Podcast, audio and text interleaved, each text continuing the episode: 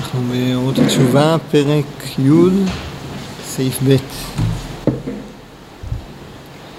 סימן טוב לתשובה מעולה, קורת רוח פנימית והארת השכל בהשגות עליונות, ביראת הציור ועזוז הקודש של טהרת הכוח המדמה, המלביש את ההבנה העליונה, הכוללת את כל אורחות החיים כולם. אז אה, קודם כל אנחנו מדברים על סימן. אמרנו שאנחנו בפרק הזה על יחסי ההכרח שיש בין תורה ותשובה באופן כללי, ועוד יותר מזה במעלות העליונות, וכאן זה בהכרח, מתוך הדברים רואים שמדברים על מעלות עליונות. הוא אומר שיש פה סימן טוב לתשובה מעולה. לפני ה... באורות התשובה, פרק י"ב. הסימן טוב לתשובה מעולה, אז קודם כל אנחנו מדברים כאן על סימן ולא סיבה, זאת אומרת זה לא יהיה קריטריון למבחן, יהודי הוא לא מעמיד את העבודה שלו במבחן ההשגות, אבל כן הסדר, נקרא לזה הרגיל, הפשוט יותר, הוא שכשיש תשובה מעולה אז יש גם בהתאם לזה גם השראה עליונה של סוג של רוח הקודש ואז כשהתשובה היא מעולה הוא מרגיש קורת רוח פנימית במובן של נחת, שמחה, רואה בטוב, לראות בטוב השם והארת השכל בהשגות עליונות. השכל הוא ממולא, הוא, הוא מקבל לתוכו ציורים עליונים במחשבות על כללות העולם, על האלוקים, על ישראל, על הדברים הקיימים והקדושים העליונים.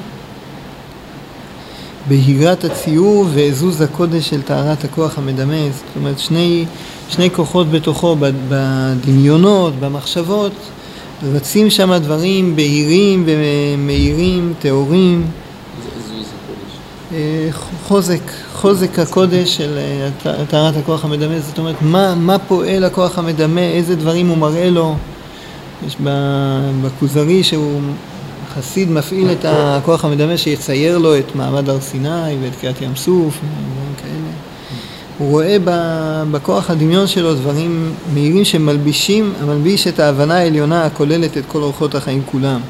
אז כשהעולם הפנימי של האדם מתוקן נקרא לזה, גם בהרגשה וגם בלבושים המחשבתיים, המחשבתיים ההגיוניים והמחשבתיים הדמיוניים, ניקח את זה השמחה והמחשבות, סדר המחשבות, על איזה נושאים ומה מתלבש שם ומה מצטייר שם, כשכל זה הוא ברוממות וקדושה וטהרה ואדם מרגיש בזה מלאות וקורת רוח, זה סימן טוב לתשובה מעולה. זה מין גושפנקה עליונה שהוא קיבל על העבודה שהוא עשה, שמעין מה ש... אליהו הנביא היה בא לאביי ורבא ואבא אומנה היה בא להגיד להם שלום, משהו מעין זה. השאלה פעם בכמה זמן רק. כן, מגיע להם להגיד להם שלום. זה מעין זה, זה ההרגשות המרוממות האלה, זה, זה בחינה כזאת של סימן לתשובה מעולה. אפשר לראות את זה בתור איזה חותמת עליונה שהקדוש ברוך הוא מעיד עליו. הצד השני הוא שגם כשדברים נעלמים, היהודי צריך להיות עקשן בעבודה שלו, לפעמים זה חלק מה, מהניסיון. הבקשה של דוד המלך בשיר של, בפרק של התשובה זה רוח, השיבה לי ששון אישך, רוח נדיבה תשמחני, אל, אל תשליכני מלפניך. הבקשה הזאת של לא, לא, אל תנטוש אותי, תיתן לי רוח הקודש. זה חלק מהצמאון שדוחף את האדם לתשובה, ובדרגות העליונות אז זה מתחבר הדבר הזה, זאת אומרת, זה, הדבר, זה הפרי של התשובה. יכול להיות שהעמל של התשובה הוא, הוא יותר התמודדות פנימית ויש בו חלק של מרירות, אבל הכתובת שאליה התשובה מיועדת זה כתובת של להביא את האדם לרוממות, לקרבת אלוקים, קרבת אלוקים גם כזאת שניכרת בחוש... ניכרת בכלים, ניכרת בכלי של השכל, ניכרת בכלי של הלב, ניכרת בדמיון, כל המערכות מסובבות סביב זה, זה הייעוד הסופי של התשובה, לכן זה גם יהיה סימן, אם התשובה עלתה יפה, אז הרוח הקודש אמורה לחזור. באיזה נקודה מסוימת, בנקודת זמן, בנקודת דרגה, כל אחד כדאית אבל זה סימן טוב לתשובה מעולה. יש סימן אחר שהרמב"ם מביא כסימן מבחן התשובה, הוא מגיע לאותו ניסיון ואותו מקרה והוא מצליח להתגבר. זה סימן לגבורת התשובה, לעוצמת התשובה. הסימן שהרב נותן פה זה סימן לקבלת התשובה. אם חזרה רוח הקודש,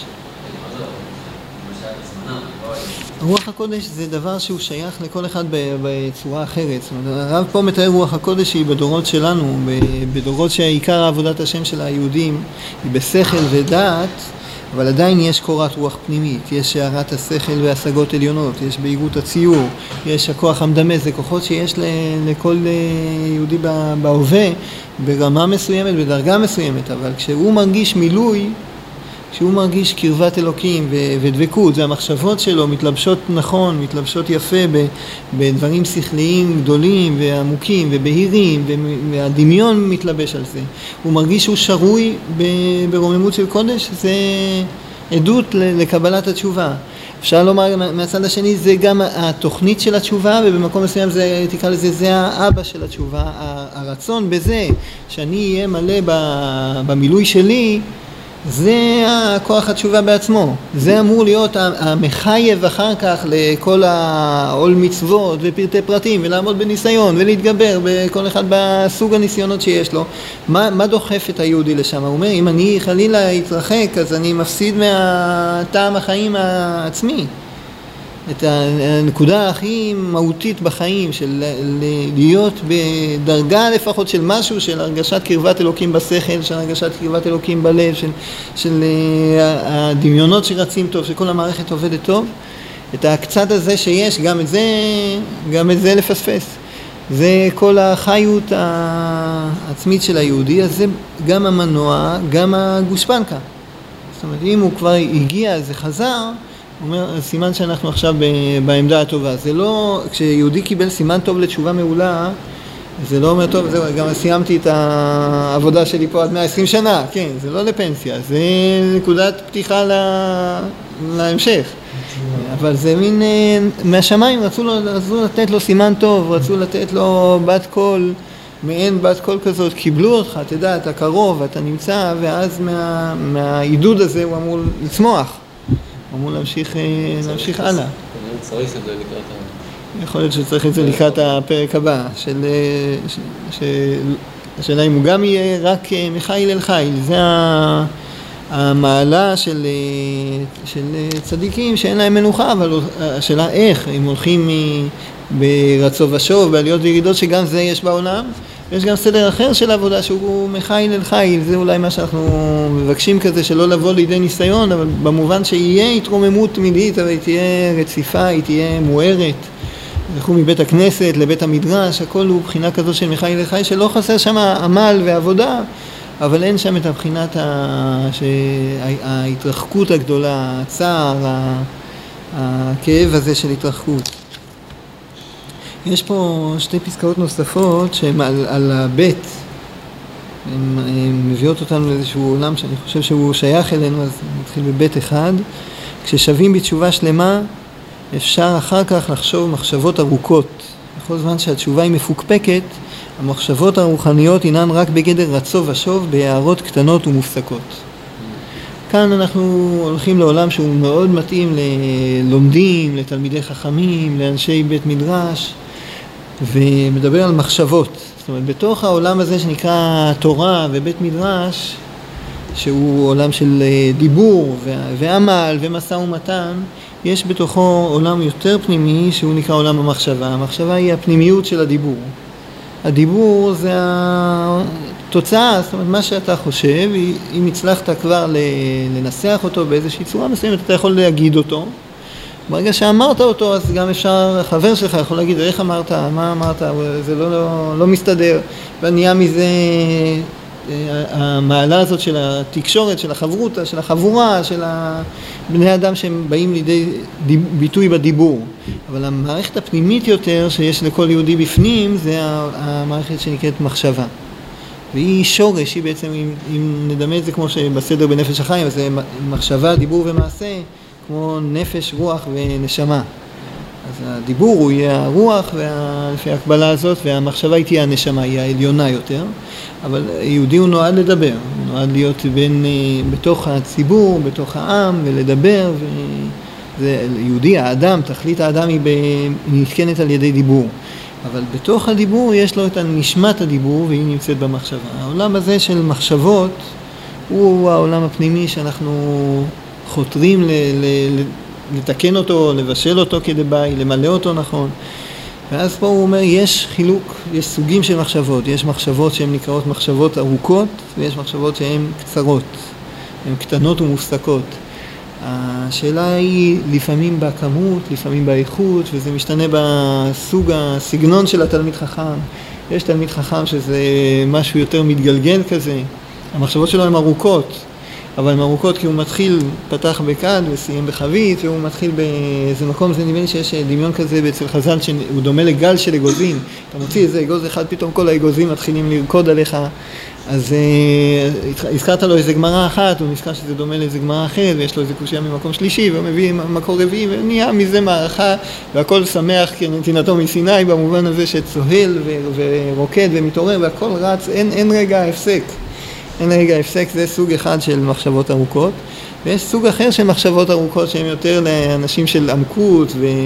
ועיון, והוא נכנס לאיזה נקודה והוא מתבונן בה כשלעצמה, מכמה ענפים שלה אנחנו מדברים פה, הדברים האלה יכולים להיות נכונים ב... בהלכה, בתלמוד, בפלפול ההלכה, במשא ומתן של ההלכה, יכולים להיות נכונים מאוד גם בהגדה ובעניינים של, ה, של האמונה והסוד והמחשבה, וגם שם יש את הסוג הזה והסוג הזה, אבל כל אחד לפי הכלי המתאים לו וסדר המילוי המתאים לו, המעלה הגדולה היא במחשבות ארוכות, ארוכות כאלה שהוא שרוי הוא שרוי כולו בתוך העולם של התורה. מחשבה ארוכה היא בעצם מחשבה כזאת שאתה לא משנה איפה העולם, אבל אם יהיה לך את הרגע שקט או את האחוז השקט שנדרש לזה, אז אתה נמצא בתוך העולם והמחשבה הזאת היא הולכת איתך ממתי שקמת מתי שהלכת לישון, ביום חול, ביום שבת, זה מחשבות שהולכות איתך ל, ל, לאורך, אה, זמן, הן תופסות אותך, זה, האתה. זה באיזשהו מובן, כמו שיש אצל אה, רבי נחמן, לשון כזאת של ללכת עם תורה. זה אומר, אתה בתקופה הזאת אתה שרוי, אני מבין שאצל ה... העובדים, עובדי השם של תנועת המוסר, יש נוסח כזה שהם, תיקח מידה אחת מהמסילת ישרים, אבל תעשה את זה 40 יום. תהיה כל, עכשיו אתה בזהירות, בעניין של הזהירות, תהיה שרוי כולך בזהירות, במחשבה על הזהירות, במערכת של זה. והוא שרוי, הוא כבוש בתוך זה, זה סימן להתרוממות מלאה. המחשבות הן ארוכות, זה בעצם מעיד על זה שהעולם הקדוש, האמונה, האהבה, היראה, המצוות, כל אלה הם, הנוכחות שלהם בתוך החיים שלנו היא עצמית. היא לא איזה מקרית, שבזמן שבין הקליינט הראשון לקליינט השני, אז הוא חשב איזה וורט על אה, איזה פסוק. זה גם מעלה, אבל זה לא בדרגה של אה, תשובה שלמה. זה דרגה של אה, סוג של רצו ושוב, של מאמץ, של מאמץ להידבק. אבל כשיש את הדבר העצמי שכובש את כלל החיים, והוא שרוי במחשבות ארוכות, אז זה מעיד על התקדשות יותר. שזה מביא אותנו גם לבית שתיים, מי שזוכה לתשובה מאהבה זוכה לעולם ארוך ומחשבותיו נעשות ארוכות ומלאות עניינים נעלים.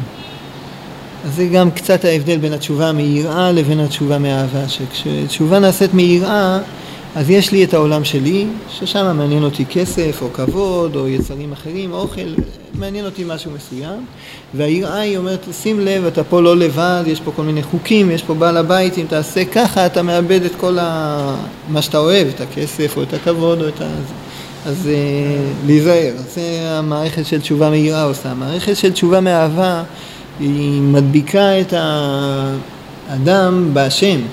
הוא, זה מה שמעניין אותו בעולם, זה, יש פה משהו חשוב עליון ושייך אליך ו, ודבוק בך, אז כשאתה מדבר על תשובה מאהבה, העולמות האלה נעשים עולמות שלך, ההתגלגלות שלך בעולם היא קשורה לשם שמיים שנקרא בעולם, ואז המחשבות הן יותר ארוכות, הן מלאות איכות, מלאות אה, שייכות, שייכות במובן האנושי, זה מה שמעסיק אותו, כמו שאדם על דברים שחשובים לו והוא אוהב, הוא אה, רוצה בהם, הם ממלאים אותו, הם ממלאים אותו במחשבה, אז ככה המחשבות נעשות, מחשבות ארוכות, מלאות עניינים נעלים.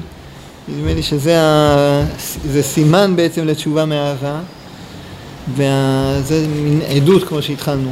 זה עדות שמי ששרוי בזה, סימן שהוא שרוי בתשובה מאהבה, זה גם המנוע, המנוע שדוחף אותנו. ל... הרצון להיות קרובים להשם, לא להתרחק מהשם, זה הצמאון והתשוקה לתשובה, לקבלת התשובה. יישר כוח.